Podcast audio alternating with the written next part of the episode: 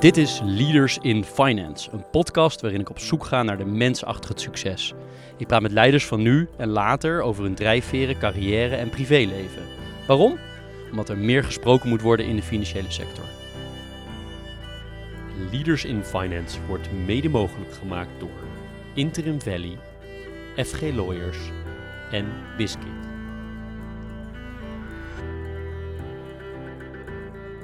Welkom bij een nieuwe aflevering van Leaders in Finance. Voordat ik mijn gast van vandaag welkom heet en introduceer, wil ik nog graag benoemen dat u, of jij, de luisteraar, deze podcast leuk vindt. Ik het enorm zou kunnen waarderen als je een review zou willen schrijven op Apple Podcast of via Google. Voor Apple kan je dat het beste doen via de podcast-app van Apple. Bij Google kan je dat het beste doen door Leaders in Finance in Google te typen en dan schrijf een review te klikken. De reden dat ik dit vraag is omdat sommige mensen alleen deze podcast gaan luisteren als ze een paar reviews hebben gelezen. Veel dank alvast.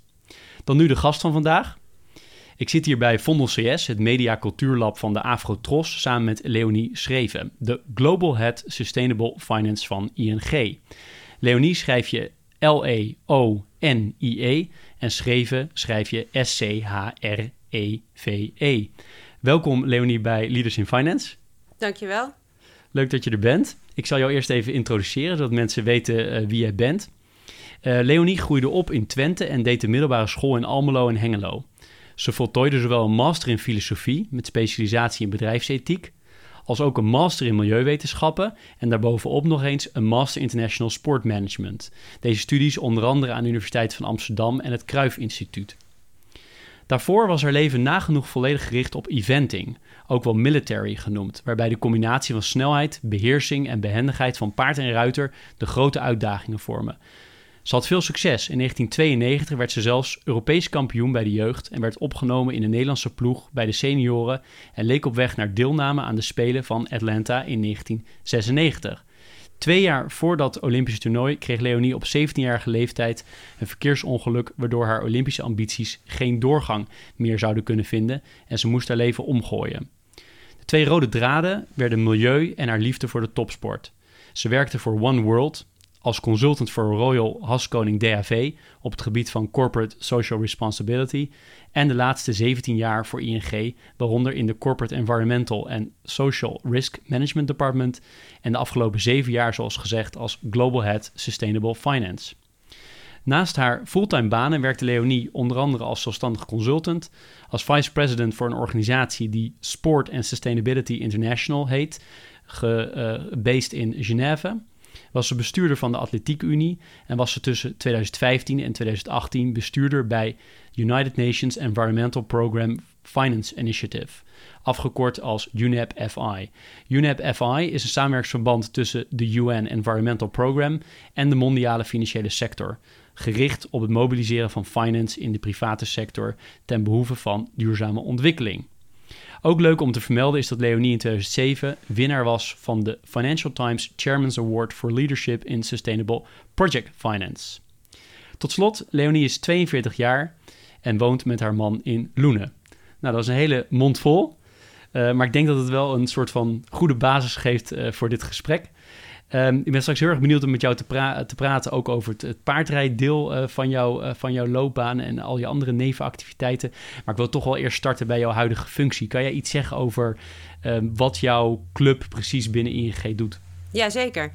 Um, het is eigenlijk, uh, waren wij een van de pioniers als het gaat om duurzaamheidsgebied. En dan met name het integreren in de commercie van de bank. In 2012 was, uh, had ik allerlei gesprekken ook met het hoofd van de wholesalebank uh, op dat moment. En die vroeg mij op een gegeven moment van ja, ik, volgens mij kunnen we veel meer. Volgens mij kunnen we veel meer dan alleen zeg maar, onze corporate responsibility en zeggen wat we allemaal niet doen, zoals wapens en zoals kolen. Maar kunnen we ook juist onze expertise inzetten om die verandering in gang te brengen die we nodig hebben om naar een nieuwe economie te, te, te gaan. En op dat moment zei hij van, als je daar ideeën over hebt, prima, schrijf een plan, ga aan de gang en zet het maar op. Dus ik ben toen in mijn eentje met een trainee begonnen. En uh, in eerste instantie ook te kijken, nou ja, wat zijn überhaupt al de activiteiten die we in de bank hebben, die je als duurzaam zou kwalificeren.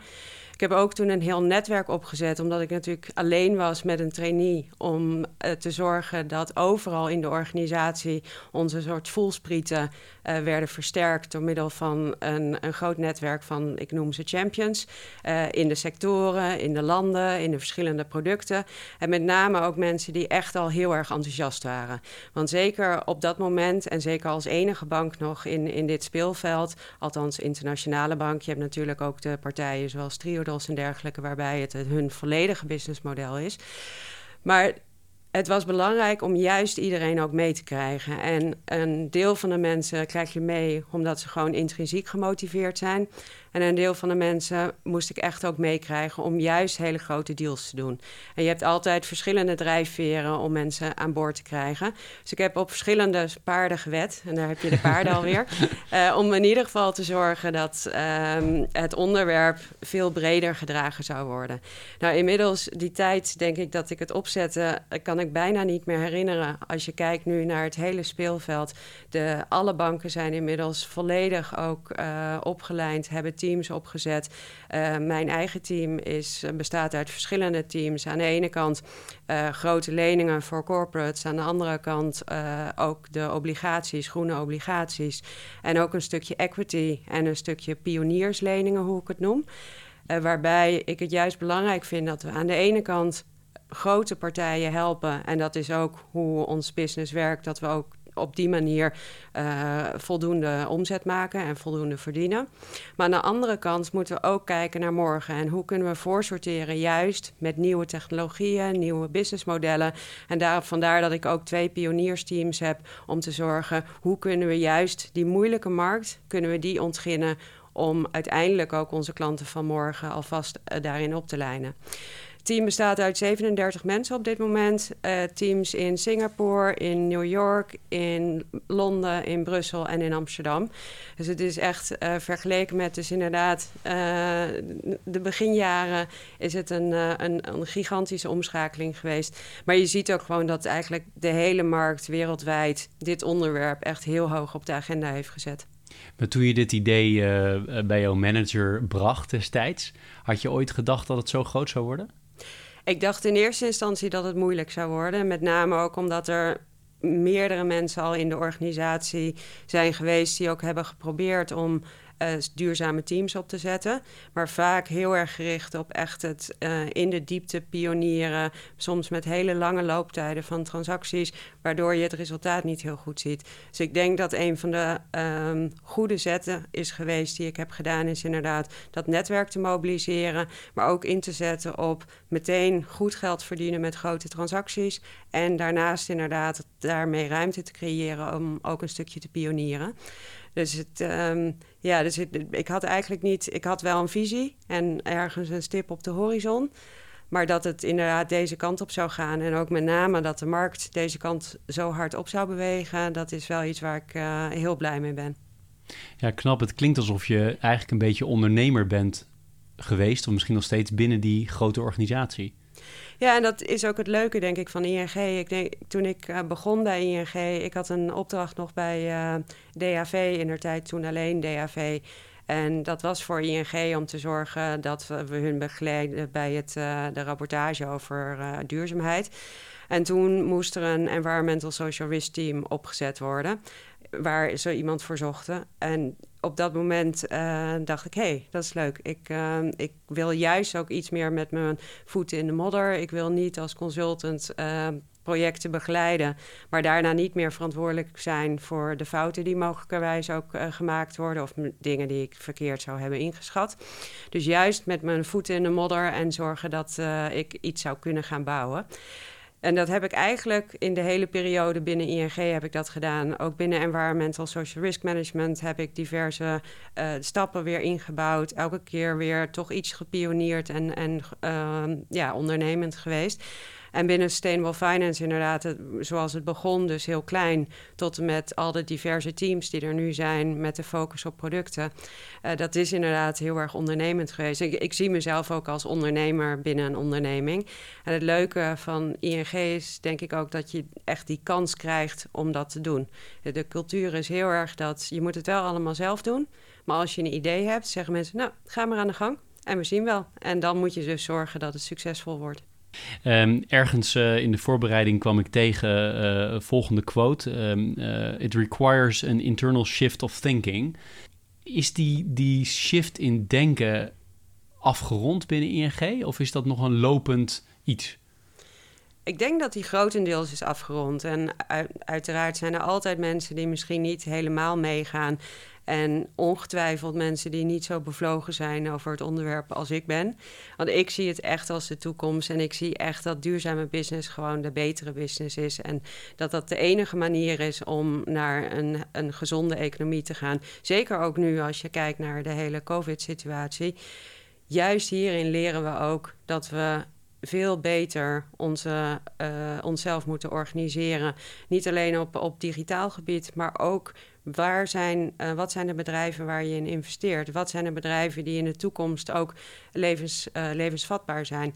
En niet alleen vanuit een economisch perspectief, maar ook vanuit een duurzaamheidsperspectief. Dus ik denk dat dit een mooie situatie is, ook waar, je, waar we dit kunnen versnellen. Ik heb me ook hard gemaakt om juist uh, statements op te zetten als Building Back Better. En het klinkt misschien heel erg als een mooie slogan. Maar ik denk echt dat dit ook geholpen heeft voor verdere integratie in de volledige besluitvorming van ING.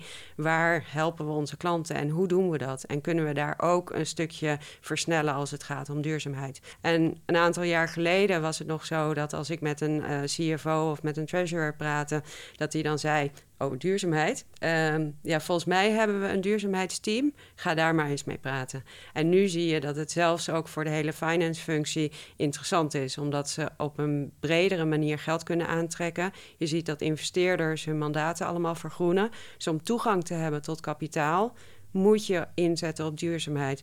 Ook als je kijkt naar alle regelgeving die in de maak is. Uh, Europese Unie zet zich daar heel erg hard uh, voor in. En dat betekent gewoon dat bedrijven moeten gaan rapporteren over welk deel van mijn activiteiten is duurzaam. En dat, daarmee kan je geld aantrekken. Wat ik nieuwsgierig naar ben, is dat ik kan me zo voorstellen binnen zo'n grote organisatie dat er uh, zeg maar in deze, uh, in deze hoek, in sustainability hoek, dat er, omdat het zo ontzettend leeft in de samenleving en het steeds belangrijker wordt eigenlijk voor iedereen, dat er altijd meer te doen is. Dan, dan, ik noem maar wat, de Raad van Bestuur die wil een rapport hebben. Een andere afdeling wil een nieuwe landing facility opzetten. Die wil jullie hulp.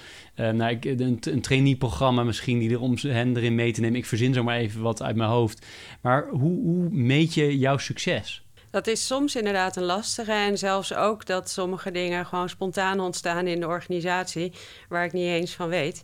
Uh, aan de ene kant is dat leuk. Aan de andere kant moeten we wel zorgen dat het juist ook in de lijn en de strategie is die we uit hebben gezet op het gebied van duurzaamheid. Er is natuurlijk een algemene duurzaamheidsafdeling. Uh, dus, dat is een groepsdepartment uh, waarbij de algemene strategie wordt bepaald, rapportages worden gedaan. Dus er zijn ook heel veel activiteiten waar gelukkig ik mij niet op hoef te richten. En de focus die ik aanbreng is puur de commerciële. Maar dat betekent ook wel dat we bijvoorbeeld trainees inderdaad moeten enthousiasmeren. Er zijn bijna alle jonge mensen die bij het bedrijf komen, die willen heel graag iets doen met duurzaamheid en vinden dat ook een soort van zelfsprekendheid. Dus aan de ene kant, ja, het is lastig. Uh, het maakt het werk ook divers, omdat we veel dingen oppakken. Ik spreek ook veel op conferenties. Dat is misschien ook bij andere activiteiten binnen de bank is dat veel minder het geval. Dus we zijn niet een 100% transactiegericht team. Maar dat is wel waarop we afgerekend worden. En aan wie, aan wie, gewoon heel praktisch, aan wat voor soort afdeling leg jij verantwoording af? Gewoon hiërarchisch gezien? Dat is aan het Wholesale Banking Management Team. En dan heb ik teams zitten binnen verschillende business lines uh, binnen van de Wholesale Bank. Helder. ING is natuurlijk een miljardenconcern, een mondiaal concern. Um, jij hebt ook in, op andere plekken al gezegd van ik wil me vooral richten op de, de positieve kanten van duurzaamheid. Um, in hoeverre bemoei je je ook met de deals die vanuit duurzaamheidsperspectief misschien niet zo geweldig zijn. Hey, je kan natuurlijk, eh, je noemde eerder Trilos al, je kan echt bepaalde sectoren uitsluiten. Je kan ook zeggen, ik gok in jouw geval, ik ga vooral focussen op die die positieve kant van die deals. Maar of bemoei jij je ook met die deals waarvan je denkt, nou ja, dat vind ik wat mijn bank hier doet ook weer niet geweldig? Bemoeien is überhaupt iets wat altijd wel uh, interessant kan zijn. En ik bedoel, dat is ook iets vanuit je verantwoordelijkheid, waar je, dat je soms ook over je eigen verantwoordelijkheid daarheen stapt. Aan de andere kant, binnen mijn verantwoordelijkheid voor environmental social risk management in der tijd, dat was met name gericht op wat doen we niet. Dus we sluiten wapenbedrijven uit, we sluiten kolenbedrijven uit. We hebben heel veel strakke uh, beleidsdocumenten um, uh, waarbij we zeggen waar moet het aan voldoen? Wat voor mensenrechtenstandaarden hanteren we? Wat voor uh, sectoren zijn gevoelig en waar moeten ze dan aan voldoen? Deels ook in samenspraak met bijvoorbeeld partijen als de Wereldbank en ook het Equator Principles initiatief, wat je, wat je volgens mij ook in de introductie noemde. Uh, in ieder geval ook vanuit de UNEP-FI, waarbij we juist met andere partijen ook zorgen dat we daar gezamenlijke standaarden hebben. En dat we, omdat je meestal ook in financieringen met meerdere banken zit, dat je dus ook gezamenlijk de lat hoog kan leggen. En vanuit dat environmental social risk management was het echt ook. Um, kon ik nee zeggen en kon ik echt zeggen, adviseren naar de raad van bestuur. Dit is een transactie die we niet moeten doen. Alleen de raad van bestuur kon die ook overrulen. Dan nog één ding vanuit loopbaanperspectief. Je gaf wel even aan dat eigenlijk de jongere generatie allemaal hier geïnteresseerd in zijn, of de meeste. Is het zo dat als jij een nieuwe vacature hebt, je hebt nu 37 mensen wereldwijd, uh, dat er meteen echt uh, enorm veel mensen op solliciteren? Enorme concurrentie? Er is inderdaad heel veel interesse in. Zeker, soms zet ik vacatures zelfs niet extern, omdat ik ook het juist goed vind dat er intern carrière mogelijkheden aanwezig zijn, ook op dit gebied. Als we hem extern zetten, dan zijn er echt honderden mensen die reageren. En vaak ook al die weten dat er een functie intern wordt uitgezet. En dan allerlei teamgenoten via LinkedIn benaderen om hiervoor in aanmerking te komen. Ooit was je hele andere dingen van plan? Uh, dan waar je, waar je nu zit. Kan je iets schetsen over hoe je überhaupt uh, met paarden in aanraking bent gekomen? Nou ja, ik ben opgegroeid in Twente. En een van de interessante. Um, nou, er werd daar überhaupt werd daar veel paard gereden. En een van onze nou ja, buren, dat was een vrouw die military reed, die ook professioneel military heeft gereden. En zij heeft op een gegeven moment de club waarbij ik reed, heeft zij uh, aangeboden om ook lessen juist te gaan geven op dit gebied. En inmiddels, uh, en toen is, ook, uh, is er een eigen eventing uh, wedstrijd ook georganiseerd.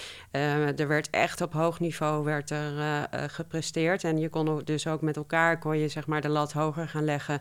En soms ook juist de, de enge zaken die met military gepaard gaan. Waterbakken, allerlei... Uh... Ja, nog even heel kort voor de luisteraars die het niet weten. Mijn vrouw heeft haar hele leven paard gereden, dus ik kan, ik kan er iets bij voorstellen. Maar kan je heel kort zeggen wat het is voor mensen die het niet helemaal kennen? Ja, ik, ik beschrijf het meestal als een soort triathlon voor de paardensport. En het is een meerdere disciplines bevat het. Dus de eerste dag heb je dressuur, tweede dag heb je uithoudingsvermogenproef en cross-country. En cross-country is wat um, bekend staat zeg maar, om de waterbakken, de vaste hindernissen, boomstammen.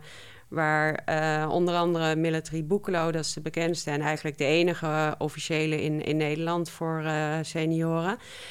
En dan de laatste dag uh, gewoon normaal springen, dus over de balkjes die eraf kunnen vallen.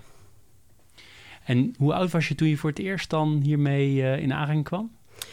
Officieel mocht ik meedoen met wedstrijden toen ik acht was. Maar military ben ik pas later gaan doen. Military ben ik denk ik vanaf mijn tiende of mijn elfde gaan doen.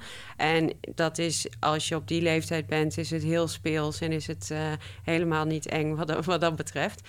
Uh, en uiteraard worden allerlei veiligheidsmaatregelen getroffen. Dus je traint nooit zonder body protector. Je hebt een aparte helm ook, juist voor die cross-country, omdat uh, al die hindernissen vastzitten. Dus je hebt menig geval heb ik meegemaakt. Hoe vonden je ouders dat, dat je dit ging doen? Ja, dat vonden ze leuk. En ze hebben natuurlijk ook aangemoedigd dat ik uh, aan de, überhaupt ging deelnemen aan de paardensport. En we, we, woonden buiten, dus wat dat betreft was het ook een, een hele goede mogelijkheid.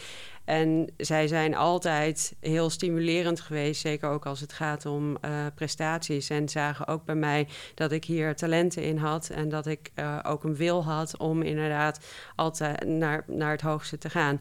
Dus dat hebben ze heel erg gestimuleerd. En zeker natuurlijk met wedstrijden, ook in het buitenland. Ja, als uh, minderjarige kan je niet zelf een trailer besturen. Dus was mijn lieve moeder die mij overal naartoe heeft gebracht. Is het niet ook een hele dure hobby? Of het was niet eens meer hobby voor jou, maar een hele dure sport?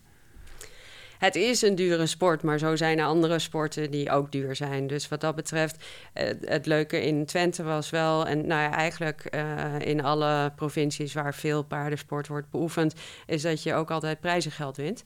En ik verdiende eigenlijk meer tijdens mijn paardentijd dan uh, dat dan ik nu daar, bij ING, daar, of, uh... dan dat ik daarna in de afwas verdiende. Oh, in de afwas, oké. Okay. Beter dan bij ING. En, uh, en, en kan je verder nog iets zeggen hoe je bent opgegroeid? Het paarden was een heel belangrijk onderdeel, maar wat, wat, hoe, hoe kan je schetsen hoe dat verder was? Nou ja, voor mij was het echt wel heel serieus. En, en zeker al snel begon dat hele paardenactiviteit begon heel serieus te worden. Waarbij ik om zes uur opstond om uh, anderhalf uur te trainen. Dan ging ik naar school en daarna ging ik weer trainen en soms ook, en dat heb ik ook met mijn uh, met uh, conciërge die we hadden, of de, de, de, het hoofd van de school, afgesproken dat ik uh, lessen mocht missen voor mijn trainingen die ik had in Ermelo op het paardensportcentrum voor het nationale team. Mits ik maar wel voldoende haalde. En gelukkig gebeurde dat ook. Maar ik denk de omgeving, um, dat het niet heel vreemd is ook dat ik juist die hele prestatiegerichtheid had. Als je kijkt naar, uh, naar mijn ouders, mijn moeder die is gepromoveerd in wisse natuurkunde, heeft desalniettemin besloten toen ze kinderen kreeg om werk uh, aan de kant te zetten. Maar uh, mijn vader heeft diverse uh, bestuurdersfuncties, CEO-functies bekleed. Dus ik denk dat de prestatiedrang in ieder geval er goed ingehamerd is. En dat was ook wel een van de dingen die ik uh, het moeilijkste vond, denk ik, nadat ik me het roer om moest gooien en iets anders moest gaan doen. Dat ik in één keer me ook moest openstellen voor: hé, hey, je kan niet meer nummer één worden. En dat heb ik wel heel erg lastig gevonden. Want je zou kunnen denken met zulke. Um nou ja, succesvolle, of hoe je het wil verwoorden, maar ouders in, in maatschappelijke zin in ieder geval, uh, dat je er helemaal tegen had afgezet. Maar in tegendeel, jij ging net zo competitief verder dus. Ja, competitiviteit zit zeker in me nog steeds. Zodra het woord wedstrijd valt, dan uh, is bij mij, ah, ik moet winnen. Ja. Dus dat, uh, dat zit er zeker in. Ja, er zijn uit, uh, on, zeker andere dingen geweest waar ik me wel tegen af heb gezet. Uh, onder andere dat ik de enige was die met een ontzettend Twents accent praatte. ik heb diverse oorbellen en dergelijke gehad. Dus op die manier heb ik me voldoende kunnen afzetten. Maar dat, ja, dat prestatiegerichte, dat is ook wel iets wat ik, wat ik zelf gewoon leuk vind. Aan de andere kant is het ook, en wat ik net zei, van dat ik het daar moeilijk mee heb gehad. Juist het verruilen van mijn topsportomgeving uh, naar een hele andere omgeving was voor mij ook heel erg leren met mensen omgaan die uh, minder prestatiegericht zijn. En dat zie ik ook nu in mijn werk dat uh, het juist heel erg leuk is. En ik vind het ook ontzettend leuk dat allerlei mensen dingen op verschillende manieren aanpakken. En waarbij voor mij vroeger echt soort één uh, weg naar Rome was. En dat was zeg, winnen, winnen, winnen, winnen. En heel veel discipline. Vind ik het juist leuk om te zien hoe mensen toch daar komen. Maar op hele verschillende manieren. En misschien veel minder prestatiegericht zijn. Want je kon door dat verkeersongeluk niet meer verder daarmee. Um, los van het feit dat het waarschijnlijk heel pijnlijk en dergelijke is geweest. Hoe, hoeveel lang heeft er, zeg maar, hoe lang heb je erover gedaan voordat je een soort van eroverheen bent gekomen? Misschien ben je nu al nooit overheen gekomen, weet ik niet. Maar wanneer was je weer een beetje dat je zegt van ik, ik kan weer verder met iets anders? Ik denk dat het uiteindelijk veel langer heeft geduurd dan dat ik dacht. Ik heb diverse knieoperaties gehad. Ze hebben ook tegen mij in der tijd gezegd dat uh, als ik mijn knie te veel zou bewegen, dat ik voor mijn twintigste in een rolstoel zou zitten. Maar dat is nooit gebeurd. Inmiddels ben ik ook weer fanatiek aan het bootcampen. Ondanks dat die knie heel veel pijn doet. Maar het wordt niet erger. Dus zolang ik me zorg dat ik heel getraind ben, dan kan ik ook behoorlijk veel sporten inmiddels weer aan. Dus daar ben ik ontzettend blij om.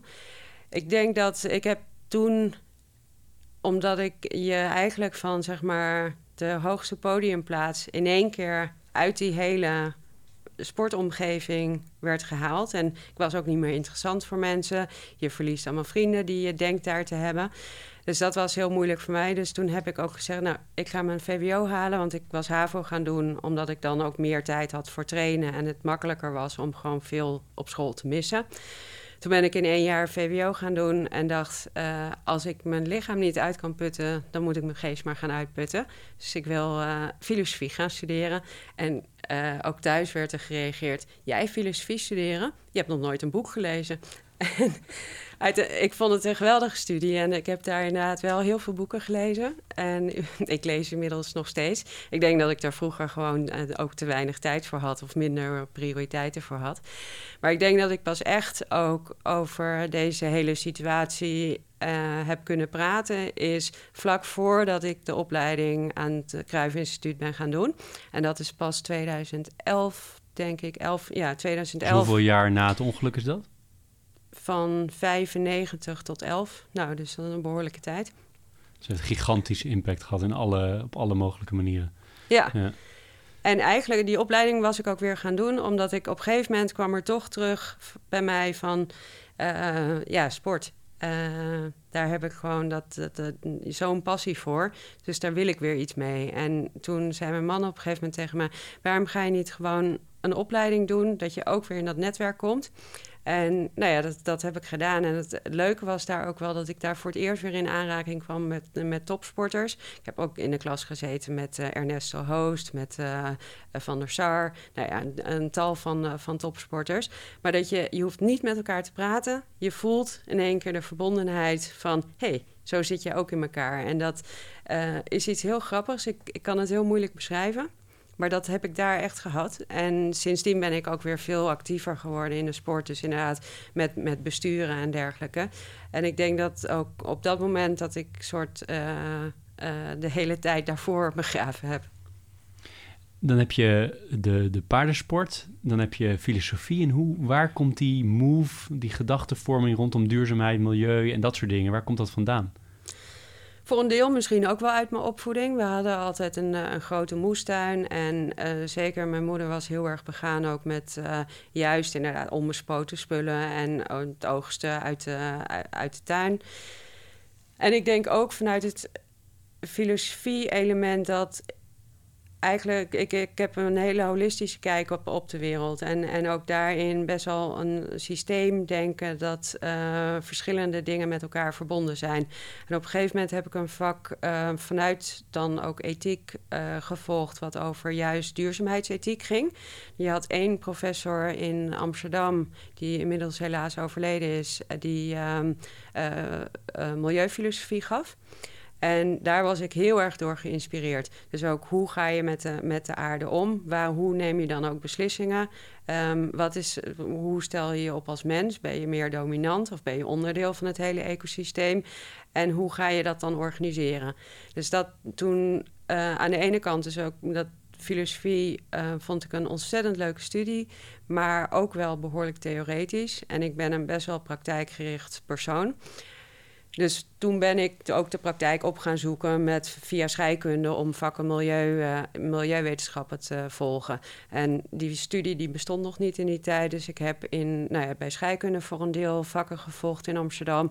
Maar ook in Utrecht, in Wageningen, in Twente, in Leiden. Dus eigenlijk de hele studie een beetje bij elkaar gesprokkeld.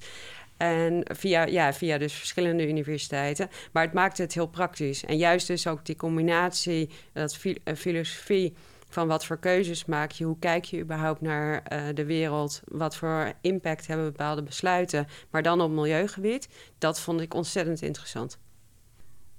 Toen heb je dus besloten, ik ga in die financiële wereld werken. Voelde je daar dan direct thuis? Uh, ik denk het wel, ja. En ik denk met, niet zozeer dat het per se de financiële wereld was, maar de cultuur van de ING, daar voelde ik me zeker thuis. Ik zal nooit de traditionele bankier worden, maar het grappige is ook dat als je eigenlijk om je heen kijkt, ook hoe uh, wie er allemaal binnen de bank werken, is dat een enorme diversiteit van ingenieurs tot en met uh, mensen die geschiedenis hebben gestudeerd, tot inderdaad de, de, de echte uh, econometristen en mensen die economie hebben gestudeerd. Dus het is ook een, is een hele mix. Dus voor mij was niet zeg maar de financiële sector leidend. Maar wat ik wel meteen heel erg leuk vond, los van het feit dat ik dus inderdaad vanuit die consultancy weg wilde, omdat ik veel meer geconfronteerd wilde worden met wat betekent dat nou als je een verandering doorvoert. En um, ook het oplossen van als je dan vervolgens weer tegen obstakels aanloopt. Dat je echt je verantwoordelijkheid neemt. Wat ik heel mooi vond ook, is dat je eigenlijk binnen over alle sectoren zie je dat je impact kan hebben. En lees je in de krant over bepaalde transacties of bedrijven waar je net mee hebt gesproken en, en iets voor um, gefinancierd hebt. Dus het is een, uh, wat dat betreft ook iets wat je heel duidelijk terugziet in de wereld om je heen. Wat voor rol je hebt als, als financiële instelling. En als je nu naar de financiële sector in zijn algemeenheid kijkt, uh, hoe vind je dat die ervoor staat als het gaat om duurzaamheidsbeleid en afwegingen die gemaakt worden? Ja, ik, ik denk wereldwijd is misschien een, een beter perspectief vanuit ook ING, omdat dat gewoon een grote speler is en eigenlijk beter te vergelijken is met andere financiële instellingen in het buitenland dan met de partijen die in Nederland zijn. Duurzaamheid staat inmiddels bij bijna alle financiële instellingen heel hoog op de agenda. Is het niet vanuit de regelgeving die er aankomt, dan is het wel vanuit inderdaad hetzelfde als bij ING. Echt het geloof van duurzame business is betere business. Dus wat dat betreft denk ik dat duurzaamheid er goed voor staat. Zijn we er? Zeker niet. Uh, duurzaamheid kan nog veel meer geïntegreerd worden in de besluitvorming. We kunnen nog veel ambitieuzer zijn als het gaat om het echt het helpen van bedrijven in die hele transitie. En daarbij moet je soms ook keuzes maken. En dat zijn dingen die nu door regelgeving voor een deel ook worden gevraagd. Bijvoorbeeld heb je klimaatrisico's volledig meegenomen in je besluitvorming. Ik kan je nog wel tegen elke sector hetzelfde aankijken als dat je vroeger deed als je klimaatrisico's meeneemt. Dus er zijn uh, wat dat betreft is duurzaamheid ook een financiële overweging geworden in de besluitvorming van de financiële sector. Maar dat is nog niet overal voldoende ingebed. En als je naar je eigen leven kijkt, hè, uh, versus wat je probeert te bereiken binnen, binnen de bank, in hoeverre heb je zelf ook een, uh, een, een, duurzaam leven, om maar even zo te zeggen? In hoeverre uh, ben je, zoals ze vaak zeggen, cognitief dissonant of niet uh, met wat je, wat je preacht, zeg maar? Kan je daar iets over zeggen? Ja, zeker. Ik denk niet dat ik ehm, zeg maar echt uh, score, 100% zou scoren als het gaat om, uh, om duurzaamheid in mijn privéleven. Maar uiteraard afval scheiden. We hebben zonnepanelen. We hebben nu net ook weer 10 zonnepanelen bijbesteld. Ik rij al sinds het kon in de leasevloot rij ik elektrisch. Dus ik heb uh, diverse elektrische auto's gehad. En uh, de eerste zelfs, waarbij ik eigenlijk maar uh, 90 kilometer range had. En dan moest ik naar de Atletiekunie toe in Papendal voor vergaderingen s'avonds. Dus ik ken alle snellaadstations in Nederland ongeveer uit mijn hoofd, omdat ik altijd daar stil stond met bijna op nul staan. Uh, nou, inmiddels uh, ben ik met mijn auto naar uh, Italië gereden deze zomer. Dus inmiddels is daar ook een heel stuk innovatie heeft daar plaatsgevonden... dat de range een stuk beter is. Dus wat dat betreft, dus qua auto zeker. En nou, ik geniet van, van in de tuin werken. We hebben heel veel bomen, bloemen, juist ook vlinderbloemen, insectenbloemen. Dus wat dat betreft... kan je het ehm, vliegen ook vermijden? Of, het vliegen. nu wel natuurlijk met corona, maar. Ja, voor de corona vloog ik wel één keer per week ongeveer. En ik hoop heel erg dat corona er ook voor heeft gezorgd dat we nu wat bewuster om kunnen gaan met waar je allemaal naartoe moet. Kijk, als het uh, standaard is in de markt dat uh, bij een klantbezoek je langskomt. En andere partijen doen dat ook ja, dan prijs je jezelf soms uit de markt als je zegt, nou, ik ben er bij video bij. En ik heb het een paar keer ook tegen mensen wel in het team gezegd van, nou, voor deze meeting vind ik het niet echt nodig om te gaan. Kan je niet inbellen als je lokaal ook mensen daar aan tafel hebt zitten. Je merkte gewoon dat het effect niet voldoende was.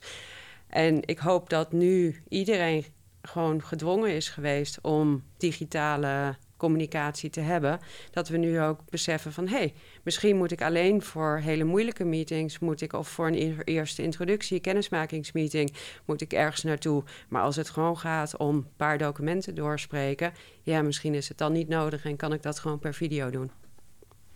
Dan een ongelooflijk ingewikkelde vraag. En dat is, als je kijkt naar klimaatverandering, um, denk je dat wij een echte klimaatcrisis ook in de, in de, rijke, in de, de, de rijke landen van de wereld uh, nodig hebben om echt iets te veranderen? Of zeg jij, nee, we gaan het wel voor zijn. We, we, gaan zo'n echte crisis wel voor, voor zijn. Dus met andere woorden, als je de vergelijking met corona uh, trekt, hè, je zegt nu vliegen we echt minder, want die crisis heeft dat veroorzaakt. is dat bij, aan de klimaatkant, wat natuurlijk vele malen groter is potentieel, is dat ook nodig, denk je, voordat er echt, echt iets gebeurt? Is misschien ook een gewetensvraag. Ja, over het algemeen ben ik een uh, opportunist en heel erg positief. Maar op deze vraag vrees ik toch dat ik inderdaad je daarin uh, moet steunen dat, het, uh, dat we meer nodig hebben dan puur nu onze intrinsieke motivatie om er iets aan te doen. Keuze, er moeten gewoon harde keuzes gemaakt worden. En we hebben nu inderdaad met corona gezien dat uh, de luchten in één keer blauw waren, dat mensen niet meer reden en wat voor effecten dat had. En je ziet nu eigenlijk al dat mensen dat ook alweer snel vergeten. Dat zodra dingen open gaan, dat mensen er toch naartoe gaan. En niet, zo, niet heel erg nadenken over wil ik dat wel? En wat betekent dat als ik dat doe? Dus ik denk dat aan de ene kant is het een um, samenspel van uh, goede regelgeving met mensen die zich daar heel hard voor inzetten om ook die verandering in het denken te bewerkstelligen. En aan de andere kant ook het heel tastbaar maken. Want dat is denk ik altijd het probleem geweest met klimaat. Dat het gewoon niet tastbaar is voor mensen. En mensen denken, ja, nou is prima als het hier twee graden warmer gaat worden. Maar dat is helemaal niet het geval. Het zal veel extremer worden. En ja, in de zomer zal het misschien veel warmer worden. Maar de stormen, uh, de, de gigantische neerslag die we zullen krijgen, zal ook enorm zijn. Hebben bij uh, Leaders in Finance ook altijd een, uh, een luisteraarsvraag. Hier komt de luisteraarsvraag, is van iemand die, die dat anoniem heeft ingestuurd. En ik ben daar uiteindelijk mee akkoord gegaan. Um, en hij, de luisteraarsvraag is als volgt. in hoeverre heeft jouw gevoel, je intuïtie meegespeeld bij, um, bij jou in je keuzes, in je loopbaan? In hoeverre is dat bepalend geweest voor je, voor je succes? Um, en het meest interessant vindt deze luisteraar of je daar een voorbeeld van hebt. Oei, dat is een hele moeilijke vraag. Ik ben een vrij rationeel persoon. Dus wat dat betreft word ik niet altijd geleid door gevoel. Maar ik denk dat gevoel toch meer een rol speelt dan dat ik soms denk. En ik heb heel sterk heb ik een, uh, wel een gevoel bij of iets goed is of niet. Ik vind het lastig. Ik zou moeten nadenken over een, over een specifiek voorbeeld. Bijvoorbeeld, ben je op basis van gevoel filosofie gaan doen? Ik ben, nee, ik ben op basis van mijn ratio ben ik filosofie gaan studeren. Eigenlijk om, uh, nou ja, aan de ene kant om, om dus uh, mijn uh, hersens verder te, uit te dagen in plaats van mijn lichaam na alle sportactiviteiten. Maar aan de andere kant ook omdat ik dat. Um, ik wilde zeg maar niet een keuze maken al van. Ik wil econoom worden, ik wil dokter. Nou, daar had ik niet eens het, het juiste pakket ook voor op school. Maar een heel breed, allesomvattend verhaal over. Uh, eigenlijk over wetenschap. Ik denk dat ik. Um, in de keuzes die ik maak, kies ik wel vaak voor een route die misschien niet de meest makkelijke is. Ook in de zin dat ik, voor, dat ik een, uh, binnen ING toen dat environmental social risk ben op gaan zetten. Je wordt er niet de populairste mee als je, als je sommige deals moet afkeuren. Dus in die zin um, zijn mijn keuzes niet per se rationeel om uh, het makkelijke te doen. Vaak juist de moeilijke of het ongebaande pad dat trekt mij aan. En misschien zit daar wel iets van. En, en intuïtie, heb je het gevoel dat je soms dingen op intuïtie doet? Ja, zeker. Ook bijvoorbeeld het Sustainable Finance opzetten. Ik heb, had gewoon een gevoel en een, en een soort. Ja, het is niet echt een, een visioen, maar het is wel een heel sterk gevoel dat dit een grote markt zou worden en heel belangrijk zou worden. Dus in die zin denk ik wel dat um, daarin heb ik, luister ik wel heel sterk naar het beeld wat ik, wat ik binnen heb uh, en hoe ik dat kan verwezenlijken. Daarnaast hebben we een uh, teaser en een pleaser bij, uh, bij Leaders in Finance. De, de teaser is, is heel kort. Um, hij is dus ook bedoeld om te teasen. Ik zeg het er maar even bij. je had meer kunnen bereiken buiten een grotere corporate voor een duurzame wereld dan binnen een grote corporate. Met jouw drive en energie. Zeker, maar ik ben ook nog, uh, ook nog niet klaar met mijn carrière. Dus ik kan ook nog alle kanten op. Maar ik denk dat juist als financiële instelling, waarbij je toch echt uh, aan het fundament van, uh, van ook onze, onze klanten, dus het verschaffen van kapitaal zit, kan je keuzes maken om ambitieuzer te zijn dan de markt. En daarbij ook de hele markt in beweging te zetten. Ik, zal nooit beweren dat wij uh, aan het stuur zitten bij, bij onze klanten, maar we kunnen hen uitdagen om juist andere besluiten te nemen en om bepaalde transitietrajecten in te zetten. Dus ik denk dat we juist heel veel invloed kunnen hebben op de economie en daar een hele belangrijke speler in zijn. Uiteindelijk zijn we toch de motorolie van de economie. Aan de, aan de pleasende kant uh, vragen we altijd uh, of je een bepaald boek hebt of boeken hebt die je graag leest of die je mensen uh, graag als cadeau geeft. Of die jou geïnspireerd hebben. Nou ja, onlangs heb ik het boek van um, Phil Knight gelezen. Um, Shoe Dog? Ja, Shoe Dog. Uh, dat vond ik een ongelooflijk inspirerend verhaal. En misschien ook wel, nou ja, het verbindt natuurlijk ook weer het ondernemerschap en sport. Dus dat is misschien wel een van de haakjes die uh, bij mij heel goed aanslaat. Maar het was heel mooi om te zien hoe een bedrijf wat nu, wat we nu kennen als zo groot, dat wat voor stappen die in het begin hebben gemaakt om uh, uh, en te vechten om te overleven. En wat voor strategie, maar met name ook visie en doorzettingsvermogen daarachter zat. Je, hebt, uh, je, bent, je bent altijd heel druk met je werk bezig. Dat, dat lijkt me wel redelijk evident op basis van wat we nu gehoord hebben. Hoe combineer je dat met privé? En hoe zorg je dat die twee in balans blijven? Nou, ik kan redelijk goed, en dat is misschien de discipline van vroeger, uh, kan ik die grens aanbrengen. Dus nu bijvoorbeeld ook in de coronatijd, waar heel veel mensen toch worstelen met het scheiden van thuis en, en werk. Uh, omdat het alle twee thuis is. Um, ik heb voor mezelf ook een nieuw regime ingesteld. Dat ik, uh, zodra ik opsta, ga ik eerst ga ik minimaal een half uur sporten. En dan ga ik achter mijn computer. Ik wil niet opstaan en dan vervolgens achter mijn computer zitten. En ook eigenlijk probeer ik om zes uur gewoon de deur van mijn kantoortje weer dicht te trekken. En dan doe ik nog best wel wat mailtjes. Doe ik uh, dan beneden uh, op mijn iPad. Maar voor mij, en dat deed ik hiervoor, deed ik dat ook al als ik thuis kwam, dat ik dan uh, toch nog weer mails aan het beantwoorden ben. Maar het, is, het geeft mij in ieder geval het gevoel dat ik een moment afsluit. Dus ik heb echt mijn werkmoment en ik heb mijn, uh, mijn privémomenten. Ik ben ook de laatste week van vakantie ben ik thuis geweest, maar we wonen in een hele waterrijke omgeving. Dus ik heb ehm, die week, de, de, andere week, heb ik nog wel wat dingen met werk moeten doen. Uh, maar die week eigenlijk niet. En uh, heerlijk gezwommen in de vecht, uh, gesupt, met bootjes gevaren. Dus dat, ehm, terwijl dat ook thuis was. En thuis is nu ook kantoor. Maar ik ben ook niet in die kamer geweest die mijn kantoor is. Kan je nog paardrijden? Nee, mijn knie is nog steeds kapot. Dus ik kan geen enkele aanraking hebben op mijn knie. Om, en dat dus je hebt het echt niet meer gedaan na die tijd dus? Nee, en aan de andere kant denk ik ook, mensen vragen wel eens van ja, je kan toch wel gewoon op een paard zitten. Ja, misschien als ik een, een grote beschermer om mijn knie doe, dat dat zou kunnen. Maar dan kan ik niet wat ik kon. En daar komt denk ik mijn prestatie, prestatiedrift dan ook weer boven. Uh, als ik niet kan wat ik kon, dan vind ik het ook niet interessant bij de teaser toen straks liet je heel even zo vallen van, uh, nou misschien ooit nog wel eens buiten die corporate. Hoe, hoe, zie jij jezelf? Ik zal niet vragen over de komende paar jaar, want dat is een beetje flauw, maar op langere termijn, waar, waar zie je jezelf in je loopbaan naartoe bewegen? Nou, ondernemerschap, innovatie en duurzaamheid, dat zijn elementen die ik heel graag wil hebben in mijn werk. Zodra dat binnen ING bijvoorbeeld niet mogelijk is, dan uh, zal ik zeker ook andere uh, richtingen gaan onderzoeken. Op dit moment ligt er nog heel veel uitdaging ook binnen ING om juist uh, nieuwe zaken te ontwikkelen. Hoe zijn we bijvoorbeeld, zorgen we dat we relevant blijven voor klanten in een heel in een wereld die heel erg aan het, um, op zijn heel mooi Nederlands gezegd, commoditizing is. ik weet eigenlijk niet hoe je dat in het Nederlands zegt.